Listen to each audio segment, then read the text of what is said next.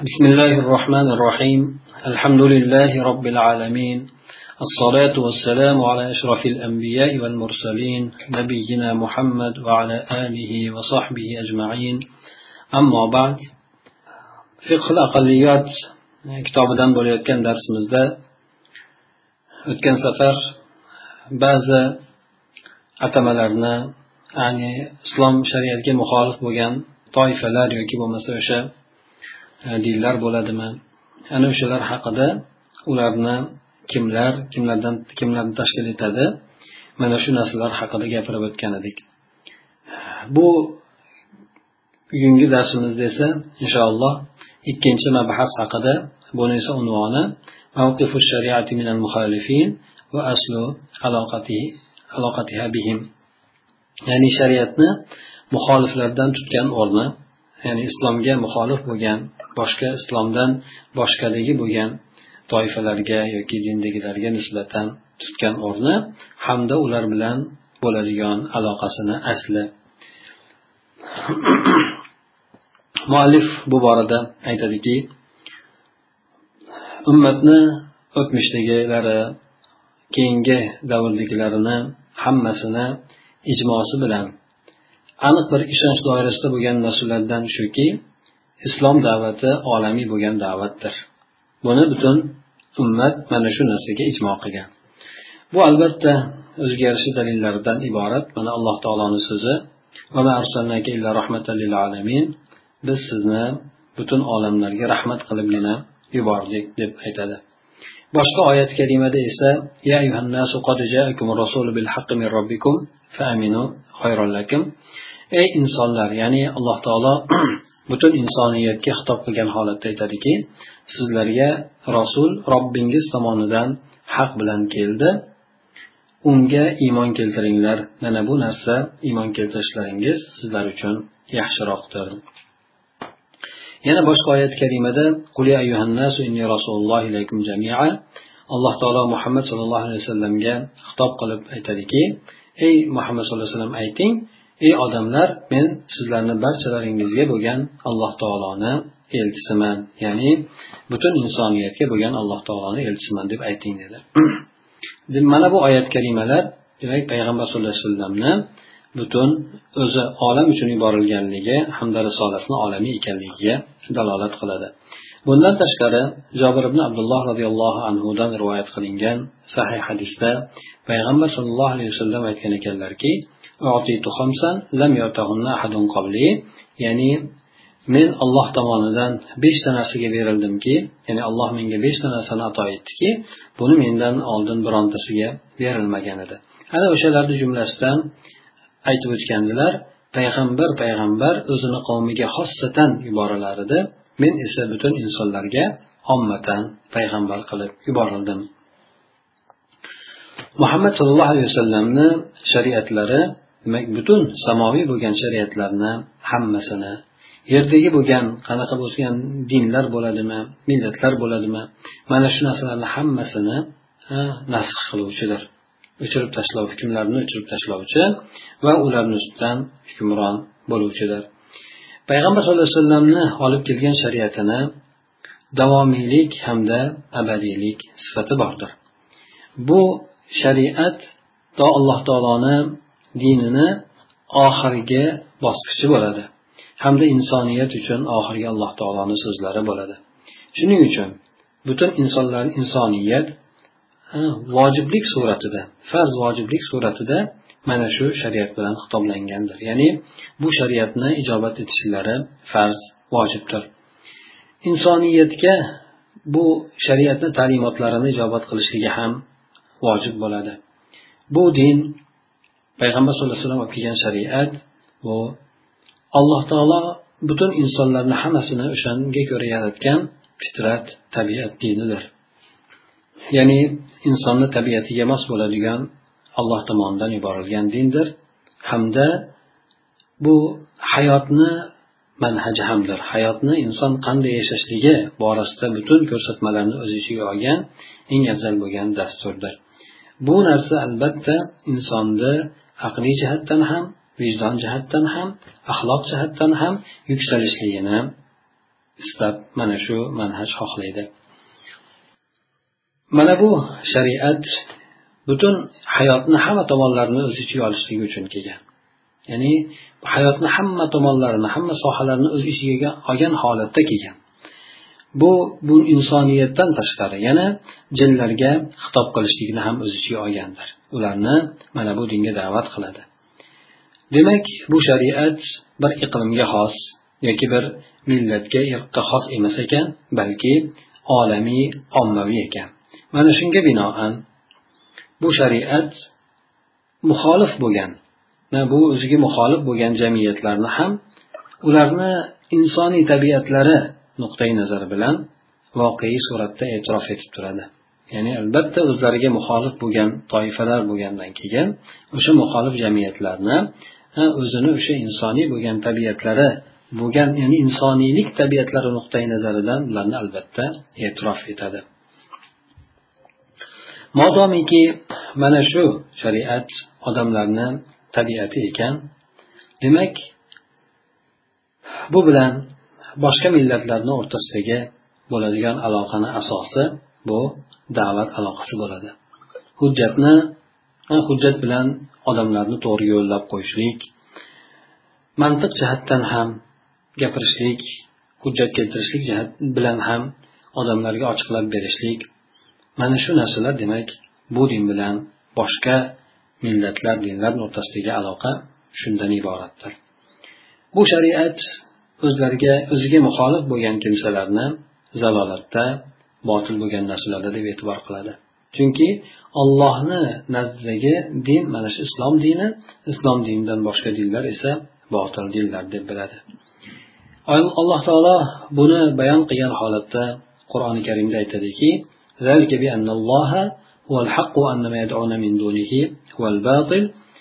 alloh taolo buni sababi alloh taolo haq ekanligi hamda mushriklar ollohni qo'yib duo qilayotgan narsalar esa botil ekanligidir. Ya'ni alloh taolo o'zi haq yuborgan narsasi haq insonlarni o'zlari qo'yib olgan narsalari botil ekanligini alloh taolo bu oyat kalimada bayon qildi. Endi bizni fuqarolarimiz muxolif bo'lgan bu shariatga muxolif bo'lgan kimsalarni da kimsalarga da'vatni qanday yetkazishlik borasida ikki jamoaga bo'lingan holatda ixtilof qilishgan. Bular demak muxolif bo'lgan kimsalarga da'vatni qanday yetkazib borishlik borasida ikki ikki xil fikrda bo'lishgan. Birinchi jamoadagilar bular.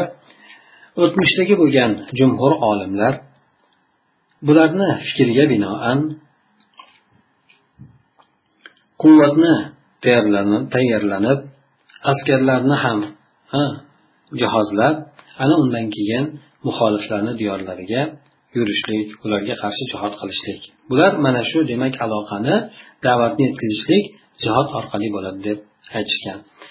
Lekin bu yerda albatta ularga jang qilishlikdan oldin islom bilan jizya to'lashlik.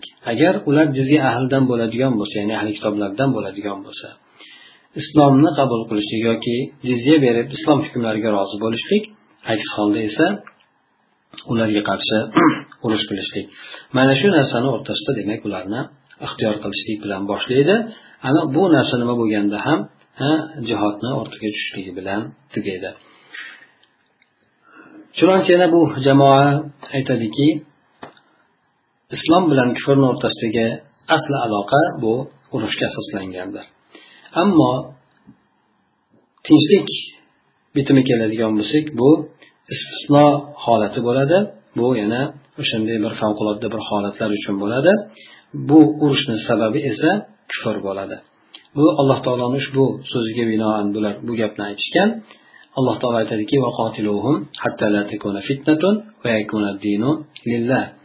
sizlar mushriklarga qarshi jang qilinglar. Hattoki fitna bo'lmasligi dinni barchasi esa alloh taolo uchun bo'lishligi bo'lgunigacha sizlar ularga qarshi jang qilinglar degan oyat.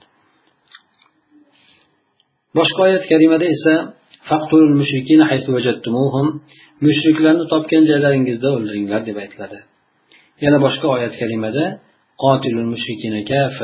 mushriklarga ommatan jang qilinglar deb alloh taolo buyruq qiladi. Bular mana bu oyat kalimadagi birinchi oyatdagi fitna kalimasini shirk ma'nosida tafsir qilishgan. Ya'ni mushriklarga qarshi ularga jang qilinglar hattoki yer yuzida shirk qolmasin va botil bo'lgan dinlar hammasi zavol topib faqatgina islomni o'zigina qolsin shu darajagacha demak jang qilinglar deb aytilgan. Izohda keltirib o'tadiki imomlar jizya olishlik borasida kimlar oladi? Mana shu narsada ixtiloflashgan ekan. Hanafiy mazhabi aytgan ekanlarki bular arablardagi butparastlardan boshqa hamma kofir jamoalaridan jizya olinaveradi. Bu imom ahmaddan ham qilingan bir rivoyat ekan. Uni abu ubayd roji deb bilgan ekan. Molikiylarni mazhabi bo'yicha esa har qanaqangi kofirdan jizya olinaveradi. Buni esa avzoiy rahimaulloh roji deb bilgan ekanlar. Imom shoifiy bilan asosan hambaliylarni mazhabi jizya faqat ahli kitoblardangina hamda kitobi bor ekanligi shubhali bo'lgan jamoalardan dindagilardan millatlardangina olinishligini aytishgan ekan. Lekin bularni hammasi ijmo kelgan narsasi shuki murtad bo'lgan odamdan islomdan dindan qaytgan odamdan ya'ni islom dinidan qaytgan odamlardan jizya olinmaydi degan fikrga ijmo qilishgan ekan. Bu toifani jihod ya'ni jang qilishlik borasidagi keltirgan dalillari to'g'risida yana aytadiki payg'ambar sallallohu alayhi vasallam ushbu hadisini ham dalil qilib keltirishadi.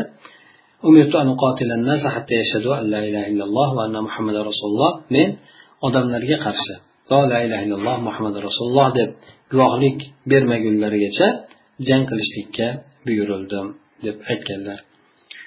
Bu birinchi jamoani aytgan gaplari hamda ularni keltirgan dalillari edi.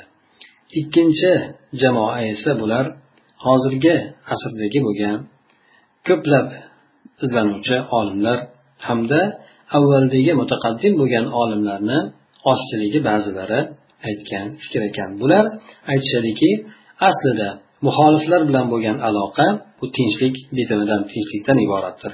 Ammo urush bo'lishligi esa bu istisnoiy bir favqulodda holat hisoblanadi.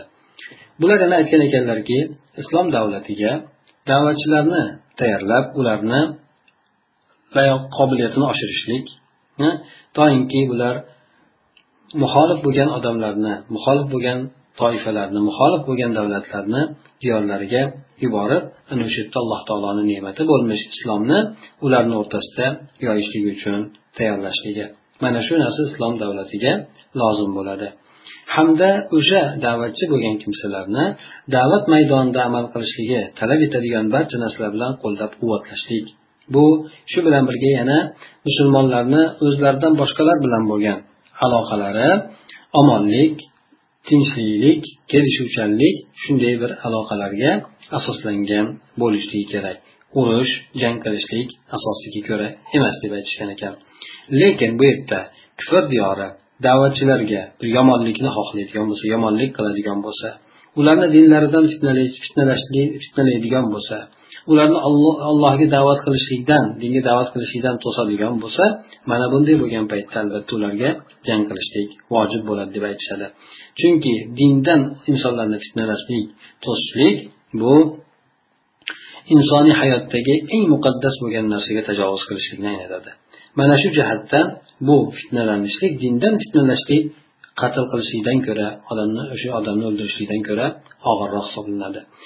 Yana shuningdek bunday jihodni vojib bo'lishligi omma odamlarga ularga da'vat qilinayotgan narsani tushuntirib berishlik uchun ma'qul bo'ladigan imkoniyatlarni fursatlarni berilmasligi ham berilishligi albatta vojib bo'ladi. Bunday narsani e, yo'lga qo'yilmasligi ham o'shalarga qarshi jihod qilishlikka sabab bo'ladi. Yana bularni fikriga binoan kofirlarga jang bilan boshlashlik faqatgina ular dinga tajovuz qilgan paytlarida yoki islomiy davlatga tajovuz qilgan paytlarida yoki ular bilan o'zaro bo'lgan ahdlarini buzgan paytlarida yo bo'lmasa o'sha muxolif diyorlarda yashayotgan zaif bo'lgan musulmonlarga nusrat yordam berishlik maqsadida jang qilishlik mumkin bo'ladi. Jang qilishlik bu o'sha tog'utlarni ya'ni odamlar bilan ular da'vatni eshitishligini o'rtasini to'sib to'sib keladigan tog'utlar bo'ladigan bo'lsa tog'utlar ya'ni bu e, hokimlar bo'lsin yoki o'shalarni o'rnini bosadiganlar bo'lsin xullas kalom odamlarni islom da'vatini yetib borishligidan to'sqinlik qiladigan kimsalarni yo'qotishlik uchun bir vosita hisoblanadi. Yana shuningdek insoniy zamirlarga yolg'iz o'zi hukmronligini iroda qiladigan hamda ulug'iyat haqqini xususiyatlarini davo qiladigan mana shunday tog'utlarni yo'q qilishlik uchun bo'ladigan vositadir. Ulug'iyat haqqini deganda bu ollohni qiladigan hukmini xohlamasdan demak hop allohga zid bo'lgan allohni hukmiga bo'lgan zid bo'lgan narsalarni qilishligi bundan tashqari e, ilohlikni yoki xudolikni turli sohalarda davo qilishlik mana shu narsalarni qiladigan tog'utlarni yo'q qilishlik uchun vosita bo'ladi. Yana shuningdek alloh taoloni yer yuzidagi bo'lgan hukmronligini alloh taoloni so'zini adolatini qaror toptirishlik uchun ham bo'ladigan vositadir. Urush demak haq bilan adolat fikrati uchun bo'ladigan to'siq fikrati uchun hamda tajovuz qilmaslik zulm qilmaslik uchun bo'ladigan to'siq ekan. O'sha e, o'sha to'siq agar yo'qotiladigan bo'lsa bu narsa albatta urushga olib kelar ekan. Bu narsa to'g'risida qur'oni karim har xil munosabatlarida o'sha holatni urush holatini qaror toptirib gapirib o'tgandir. Said qutb rahimaulloh alloh taoloni mana bu oyat kalimasi haqida aytadiki degan ya'ni din olloh uchun bo'lishligi degan e, alloh taoloni oyat kalimasi borasida bu kishi aytgan ekanlarki alloh taoloni dinini yer yuzida oliy qilishlik bu shunday bir haysiyatda bo'lishi kerakki dinga kirishlikni iroda qiladigan odam bemalol kirishligidan qo'rqilmasligi hamda yer yuzida alloh taoloni dini yetib borishligidan to'sqinlik qiladigan bironta quvvatdan qo'rqilinmasligi. Yoki bo'lmasa allohni dini yetib borishligi bo'lsin allohni diniga ijobat qilinishligi bo'lsin yoki allohni dinida qolishligi bo'lsin mana shu narsalarda to'sqinlik qiladigan bironta bir quvvatdan qo'rqilinmasligi bo'ladigan o'rinda demak alloh taoloni dinini shu darajada oliy qilishlik. Endi jihod bo'ladigan bo'lsa albatta o'sha alloh taoloni dinini shariatini hisordan e, yoki da'vatini qamal bo'lib qolishlikdan himoya qilishlik uchun hamda fitnalardan himoya qilishlik uchun aqida sababidan jihod qilinadi. Bunga esa quyidagi oyatlarni dalillarni dal qilib keltirganlar qur'oni karim dagi bo'lgan alloh taoloni oyati hop alloh taoloni yo'lida sizlarga jang qilayotgan odamlarga qarshi jang qilinglar. Ya'ni allohni yo'lida sizlarga jang qilayotgan odamlarga qarshi jang qilinglar tajovuz qilib haddan oshib ketmanglar dedi. Boshqa oyat karimada esa la ikroha din dinda majburlashlik yo'q degan. Mana bu oyatlar demak ikkinchi toifani asli musulmonlar bilan kofirlarni o'rtasida bo'ladigan narsalar tinchlik aloqasi bo'ladi illo tajovuzkorlik bo'ladigan bo'lsa ana o'sha o'rindagina ularga qarshi e, jihod qilinadi degan so'zni aytuvchilar e, dalillaridandir. Bu narsa shuni ifoda qiladiki majburlashlik zo'ravonlik vositalari bu dinga da'vat qilishlik yo'llaridan sanalmaydi. Chunki dinni asosi qalbiy bo'lgan iymon e'tiqoddir. Mana bu asosni esa hujjat shakllantiradi qilich emasdir. Alloh taoloni ushbu oyati agar ular ya'ni muxoliflar tinchlikka moyil bo'lib qoladigan bo'lsa sizlar ham o'sha tinchlikka moyil bo'linglar. O'sha tinchligini qabul qilinglar bitimga rozi bo'linglar deyilgan. Bular yana aytishadiki payg'ambar sallallohu alayhi vasallamni siyratlaridan u kishini u kishini yo'lida yurgan xulafolarni siyratlaridan mutavotir suratda kelgan rivoyatlar borki bu narsalar bu payg'ambar sallallohu alayhi vasallam hamda u kishini sahobalarini islomga musulmonlarga tajovuz qilgan dushmanlargagina boshlang'ich jihatidan yoki bo'lmasa ahd qilingan bo'lsa o'sha ahdni buzishligidan keyingina jang qilingan ekanligi jang qilgan ekanliklaridir. Bular birinchi jamoani keltirgan oyatlari sayf oyati bilan mansub ekanligini aytib rad qilishadi. Sayf oyati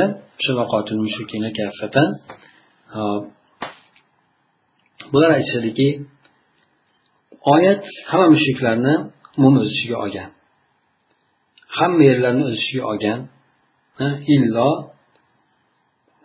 qur'oni sunnatdan bo'lgan dalillar xoslagan narsa bundan mustasno bo'ladi deb aytishgan. Ya'ni birinchi jamoa demak ikkinchi jamoaga rad qilgan ekan. Bu oyatlar o'sha qilich oyati bilan qotil mushikina kaffatan kaffa o'sha oyati bilan mansux bo'lgan deb aytishgan ekanda bu hamma mushriklarga qarshi jang qilishlikka umum bo'lgan hamma joylarga umum bo'lgan illo dalil xoslagan bo'lsa bundan mustasno deb aytgan ekan. Haqiqat shuki deydi muallif bu yerda hop bu oyatni nasx qilganligi to'g'risida gapirishlik albatta ulam fuqarolarni o'rtasidagi bo'lgan mufassirlarni o'rtasidagi bo'lgan keng suratdagi xilofdan iboratdir. Bular hammasi ittifoq kelishadiki albatta nasx bo'ladigan bo'lsa dalil bilan bo'lishlik kerak. Albatta nasx o'ziga yarasha o'ziga yarasha kuchli bo'lgan o'zini darajasidagi kuchli bo'lgan dalil bilan bo'lishlik kerak. Mana shu narsaga ittifoq qilishadi. Bu yerdagi masala demak xilofiy masala ekan. Buni o'rtasini ajratib turuvchi bo'lgan narsa esa payg'ambar sallallohu alayhi vasallamni siyratlari u kishini g'azotlardagi jihodlardagi bo'lgan tutgan o'rinlari tutgan yo'llaridir. Muhammad ibn izza daruza degan olim kishi aytgan ekanlarki sobit bo'lgan narsa shuki payg'ambar sallallohu alayhi vasallam faqatgina tajovuzkor bo'lgan dushmanlargagina qarshi hamda ahdlarni buzganlarga qarshigina jang qilgan deb. Mana shu narsa payg'ambar alayhisalomdan sobit bo'lgan deb aytgan ekan. Muhammad abu zuhra rahimaulloh bu kishi ham aytgan ekanlarki islom haqni talab qilayotgan odamga qarshi qilishni sug'urmagan. Birontaga tajovuz ham qilmagan. Lekin bu o'rinda katta bir tajovuz bo'ladigan bo'lsa podsholar o'zlarini xalqlarini qonlarini to'kib ularni ustidan ezgan bo'lsa ularga juda ham siqintilik qilib bergan bo'lsa juda ham toraytirib tashlagan bo'lsa ularga haq nurini yetib borishligidan ularni man qilib qo'ygan bo'lsa haqqa ular o'zlari yetishgan haqqa rozi bo'lishgan dinga iymon keltirgan kimsalarni qatl qilishgan bo'lsa mana bunda hamkorlik bo'lgan qonuni zulmni zolimni zulmni hiylalarni rad qilishlik bo'ladi. O'sha xalqlardan zolimlarni hukmi bilan musibatlanib qolgan o'sha xalqlardan qulchilik hamda ubudiyat holatlarini mana shu ko'tarib tashlashlik bo'ladi. Yana bu jang shuning uchun bo'lgandir. Jang mana shunday narsalar uchun bo'lgandir. Bunday bo'lgan holatlarda sukut saqlab islom davlati indamay turaverishligi bu musulmonlarni o'rtasidagi bo'ladigan hamkorlik suratidan bo'lmaydi. Balki bu yerda adolatli adolatli bo'ladigan urush mana shu haqiqiy suratdagi hamkorlik bo'ladi. Chunki bu bunday bo'ladigan urush esa dindagi fitnalanishlikni oldini oladi bunga to'sqinlik qiladi. Bu kishi aytadiki men mana bu so'zni to'g'rilik doirasidan chiqmaydi deb bilaman deydi. Bu kitobni muallifi demak mana shu so'zni qo'llab quvvatlaydi payg'ambar sallallohu alayhi vasallamni siyratlarida nazar tashlagan unda biroz chuqurroq bir o'rgangan kishi o'z ichidan mana bu aytilgan gapni ta'kidlaydi. Mana bu gap u odamni ichidan ta'kidlanadi. Quraysh mushriklari payg'ambar sallallohu alayhi vasallamga nisbatan odamlarni ichida eng qattiq adovatli bo'lgan. Bular bironta bir vosita bo'lsin bironta bir yo'l bo'lsin payg'ambar sallallohu alayhi vasallamni o'zini zaiflashtiradigan u kishini da'vatini sha'nini zaiflashtiradigan balki o'sha da'vatini yoki o'zini barham berishlikka halok qilishlikka bo'ladigan bironta yo'l bo'lsin vosita bo'lsin mana shu narsalarni tark etmadilar balki albatta o'sha narsalarni qilib tadbiq qilib ko'rdilar amalda shu narsalarni amalga oshirib ko'rdilar. Bular avvalo payg'ambar sallallohu alayhi vasallamni makkada yolg'onchiga chiqarishlik hamda u kishiga ergashganlarga zulm qilishlik mana shu bilan boshlashgan bo'lsa oxirida esa ahzob jangi bilan tugatishgandir. Mana bu ahzob jangi esa quraysh o'zi imkoniyatida bo'lgan hamma narsani mana shu jang uchun jamlagan edi. Bu o'zini kattayu kichik bo'lgan hammasini ko'tarib o'sha yerga madinaga kelgan edi. Buni bu borada esa ularga tarafkash bo'lgan ularga hamroh bo'lgan shirk mushrik bo'lgan arab qabilalari bor edi mana bular kurashliklarni bu borada qo'llab quvvatlashgan edi. Ehm, o'sha arabqa ularga tarafkash bo'lgan arab qabilalari hamda ularga aqidada bir xil bo'lgan ittifoq keladigan o'sha arab qabila kimsalar ularni qo'llab quvvatlagan edi. Bu esa alloh taoloni dushmani bo'lmish bani qurayza yahudlarini ehm, ularni qiziqtirishligi bilan amalga oshgan edi. Bular esa butun o'sha davrdagi mezonlarni o'zgartirib yuborgan hukmron bo'lib turgan jamiyatni nizomini boshqa nizomga aylantirib qo'ygan haqni tag tugidan yo'q qilishlik uchun bu narsalarni qilishgan edi. Azob jangida kelgan guruhlar jamoalar madinadan nomud bo'lib qaytib ketishgandan keyin payg'ambar sallallohu alayhi vasallam aytgandilarki ana endi biz ularga qarshi jang qilamiz. Ular endi bizga qarshi jang qilolmaydi. Biz ularga qarshi yuramiz deb aytganlar nima uchun? Payg'ambar alayhisalom bu gapni aytgandilar. Albatta o'sha tajovuzni rad qilishlik uchun zolimlarni zulmini rad qilishlik uchun aytganlarki bu zolimlar musulmonlardan qo'rquvni qo'zg'atishlik ya'ni islamofobiya deb qo'yadi mana shu narsani qo'zg'atishlikdan to'xtamasdilar. Bular musulmonlarni o'zlarini dindan fitnalardilar turli azoblashlik uslublari bilan bo'lsin bularni yana diyorlaridan chiqarib yuborardilar. Mollariga esa egadorlik qilardilar. Ammo boshqa arab qabilalari bo'ladigan bo'lsa bular o'zlarini tarafkashlik borasida fors bilan rumni o'rtasida bo'linishgan edi. Bular ba'zilari forsga moyil bo'lgan edi ba'zilari demak rum imperiyasiga moyil bo'lgan edi.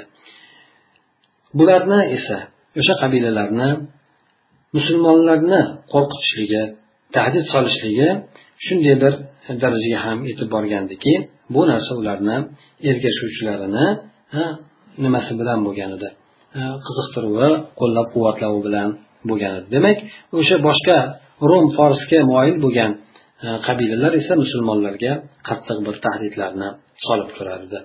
Siz mana umar roziyallohu anhu yozgan ushbu risolani bir o'qib ko'ring.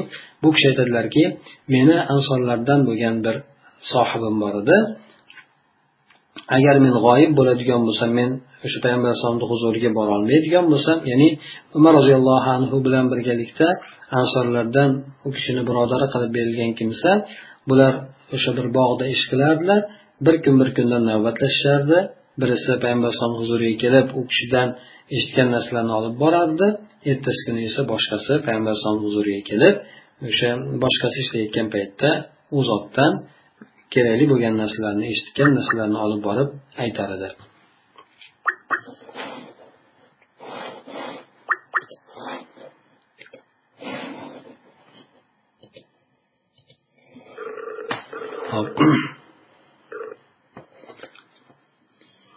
Ana o'sha umar roziyallohu anhuni sohibi to'g'risida aytadiki men agar qoyib bo'ladigan bo'lsam ya'ni o'sha bog'da ishlaydigan bo'lsa dehqonchilik qiladigan bo'lsa menga xabarni olib kelar edi. U kishi ishlagan paytida esa men u kishiga xabarni olib kelib turar edim. Biz o'sha g'asson podsholardan bir podshodan qo'rqimsirar edik. Biz uchun aytilib zikr qilingandiki u bizga qarshi yurishlikka yurishlikni xohlayapti degan narsani aytilardi ya'ni bizni qalblarimiz esa undan to'lgan edi mana shunaqangi demak har xil tahdidlar o'sha musulmonlarga musulmonlarga musulmonlarni yosh davlatiga nisbatan bo'lib turardi.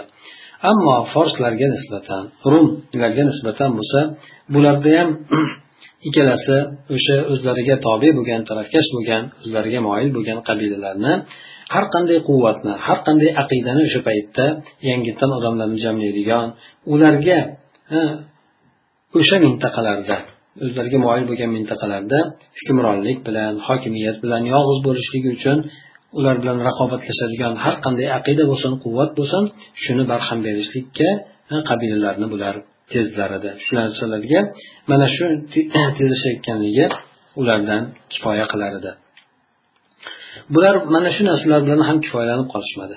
Balki heraql shom diyoridagi arablardan musulmon bo'lganlariga qarshi qattiq zulm qila boshladi. Ularni o'ldira boshladi.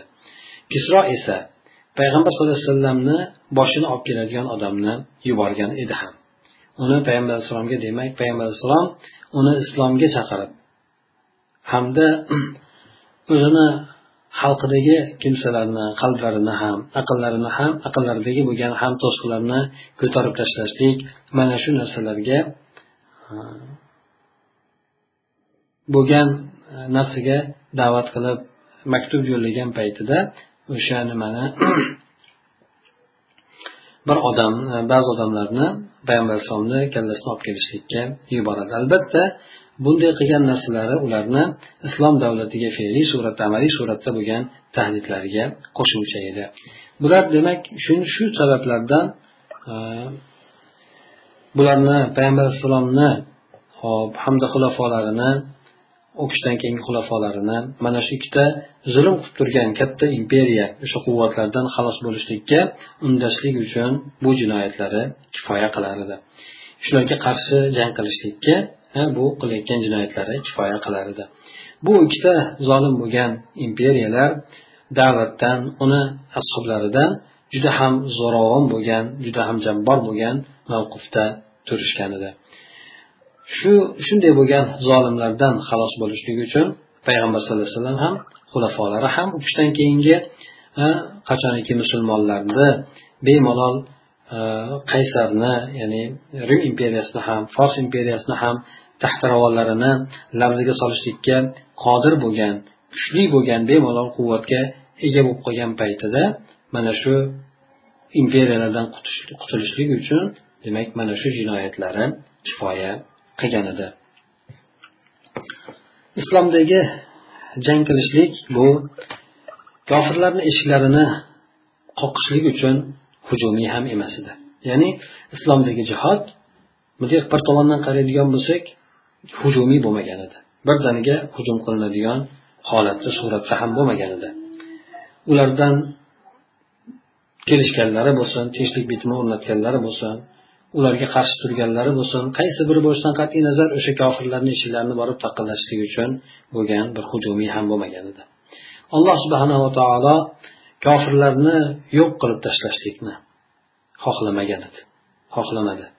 Hamda alloh taolo ibn saloh aytib o'tganlaridek ibn saloh bu kishi olim kishi aytib o'tganlaridek kofirlarni o'ldirilishligi uchun ham yaratmagan edi. Shuningdek islomdagi jihod bu himoya qilishlik uchun ham emas ediki bu musulmon diyorlariga hujum qilib keladigan odamni kutib turadigan. So'ngra esa jang tizgini tajovuzkor o'sha zolimlarni qo'lida hujum qilgan o'sha tajovuzkorlarni qo'lida bo'lib qolishligidan keyin ana undan keyin jang qilishlikka qo'zg'aladigan suratidagi himoya uslubida ham bo'lmagan edi. Balki bu islomdagi jihod islomni himoya qilishlik islom da'vatini islom ahllarini himoya qilishlik hamda da'vat yo'lida to'siq bo'lib turadigan kimsalarga qarshi hujum qiladigan hujumiy ozod qiluvchi vosita ham bo'lgan edi. Ham birdaniga hujum qilishlik vositasi hamda himoya qilishlik birdaniga vositasi bo'lgan edi. Bu albatta holatni taqozo etadigan narsasiga qarab bo'lardi. Hech qanaqangi zulm qilmasdan tajovuz qilinmasdan mana shu narsalarni amalga oshirilardi. Musulmon ummatni boshqa ummatlar bilan bo'lgan aloqasi degan kitobni sohibi aytadiki bu musulmonlar bilan ularni muxoliflarni o'rtasidagi qoyim bo'lib turadigan aloqa aqida asosida bo'lgan. Toinki e, butun elementlari mukammal bo'lgan hamma tomonlari mukammal bo'lgan dasturni shaklini olishligi uchun aqida asosida bo'lgan edi. Bu narsa yana har xil ehtimolotlarni hop bu manhajni elementlariga munosib keladigan narsa bilan har xil ehtimolotlarga qarshi turishligi uchun bu aqida asosida bo'lgan edi. Demak mana bu aloqani da'vat manfaati bilan birgalikda borligida ham yo'qligida ham da'vat manfaat bilan birgalikda bo'lishligi uchun ishlatishlik albatta. Buni difoiy deb ham hujumiy deb ham sifatlashlik ma'qul bo'lmaydi deydi. Ya'ni bu aloqani albatta da'vat manfaatiga qarab ishlatiladi. Agar da'vat manfaati bo'ladigan bo'lsa qilinadi da'vat manfaati bo'lmaydigan bo'lsa qilinmaydi.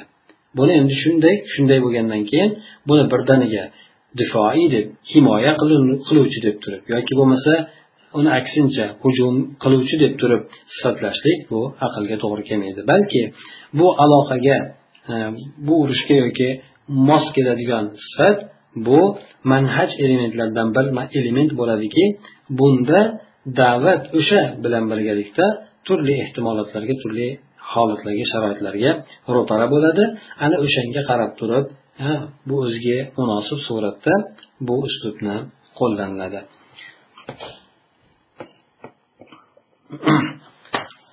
Muallif keyin aytadiki men hozirgi paytda jihod undovchi bo'lgan jihod sabablari haqida yozayotgan hamda uni hujum uslubi deb e'tibor qilayotgan o'zlarini mazhablariga o'zlarini fikrlariga muxolif bo'lgan musulmonlarga qarshi qattiq suratda keskin suratda har xil raddiyalarni gaplarni aytayotgan kishilardan men shu narsalarni orzu qilaman deb aytadi orzu qilardim deydi. Albatta bu yerda bu ularni bunday suratda rad berishligi ilmiy bahs odoblari axloqiyatlarini lozim tutgan insofli bo'lgan bahs qiluvchini dorisidan chiqarib tashlaydi. Mana shunday bo'lgan odamlarga men yana yana tamanniga orzu qilardimki yana bu odamlar bunga bundan tashqari yana o'zlarini muxoliflariga nisbatan shu narsalarda demak e'tiroz bildirarlarki bular o'sha salaf solihlarni bu jang hamda uni hukmlariga aloqador bo'lgan oyatlarga qilgan salaf solihlarni tafsirlariga murojaat qilmaganliklari bilan e'tiroz bildiradigan odamlardan men shu narsani umid qilardimki bu shu e'tiroz bildiruvchilardan yana ta'kidlab aytadiki shuni umid qilardimki bular tabariy tafsiriga ham bir murojaat qilib ko'rsalar edi. Bu tabariy tafsiri esa mufassirlarni qiblasi ya'ni asosan e'tibor qiladigan manbasi hamda ularni shayxi hisoblanadi. Bu imom tabariy ana o'sha tabariyni tafsiridan ham bir qator xabardor bo'lib qo'yishsa shunga murojaat qilishsa edi deb men ulardan shu narsani umid qilardim. Bular albatta bu borada butun mufassirlar bu borada tabariyga muhtojdirlar. Bu tabariyni tafsiri esa rivoyatlar asosida qilingan tafsir hisoblanadi. Bu ibn kasirni imom shaykoniyni bundan boshqa olimlarni tafsirlaridan muqaddam o'tgan bu tafsirlar esa bu bu tafsirlarga o'sha e, jihod islomdagi bo'lgan jihod hujum uchun deb aytadigan kimsalar asosan bu tafsirlarga suyanishgan ya'ni ibn kasir shavkoniylarga ya'ni ya'ni islom o'sha kalima o'z ichiga olgan hamma ma'nolari bilan birgalikda demak jihod hujum uchun bo'lgan islomda deb aytuvchi bo'lgan odamlar. Ana o'sha odamlar suyanadigan o'sha kitoblarda ibn kasirniki bor shavkoniyniki bor. Bundan ko'ra oldinroq muqaddamroq bo'lgan tabariyni tafsiriga bir murojaat qilishliklarini men ulardan orzu qilardim dedi. Ya'ni bu kishi aytmoqchi bo'lgan narsalari tabariyni tafsirida ibn kasirnikidan ham ko'ra shavkoniynikidan ham ko'ra kengroq suratda bu e, urush borasida jihod borasida gaplar hukmlar o'tgan. Ana o'shalarga bir bular murojaat qilishligini bulardan umid qilardim deb aytadi. E, albatta bu ibn tabariyni nimasida kengroq suratda o'sha jihod nima uchun qo'yilganligi qanday suratda qo'llanganligi mana shu narsalarga kengroq suratda. Rivoyatlar asosida tobiinlar sahobalarni rivoyatlari asosida ko'proq to'xtalganligi uchun bu kishi mana shu kitobga ularni e'tiborini qaratishlikka e, jalb qilyapti yoki shuni qarashlikka ularni chaqiryapti mana bu demak biz e, bu borada aytib o'tmoqchi bo'lgan e, gaplar edi. Ya'ni muxoliflar bilan bo'lgan islomni aloqasi mana hozirgi paytda ham qaraydigan bo'lsak albatta bu silmiy ko'proq u kishi ham mana shu narsani qo'llab quvvatlayapti. Musulmonlarni o'zlariga muxoliflar bilan bo'lgan aloqasi asli aloqasi tinchlikka asoslangan. Ya'ni bu tinchlikda musulmonlar ularni diyorlariga da'vatchilarni tayyorlab yuborishligi ularni o'sha joylarda imkoniyat yaratib berishligi islom da'vatiga da'vat qilayotgan o'rinlarda agar mabodo shu da'vatchilarga nisbatan tajovuz bo'ladigan bo'lsa ularni dinlarida fitnalashlik bo'ladigan bo'lsa ularni yo'llarini to'sishlik bo'ladigan bo'lsa allohni bandalariga bu dinni yetkazishligidan albatta mana bu o'rinda jihodni qo'llashlikka unda islom davlati majbur bo'ladi. Mana shu narsalar to'g'risida demak bu o'zi kishi mana shu fikrni quvvatlagan holatda yuqoridagi narsalarni keltirib o'tdi. Bu demak shu bugungi darsimizni xulosasi edi. Subhanakallohumma va bihamdik. Nashhadu an la ilaha illa anta nastag'firuka va natubu ilayk. Allohumma anfa'na bima 'allamtana va 'allimna ma yanfa'una va zidna ilma.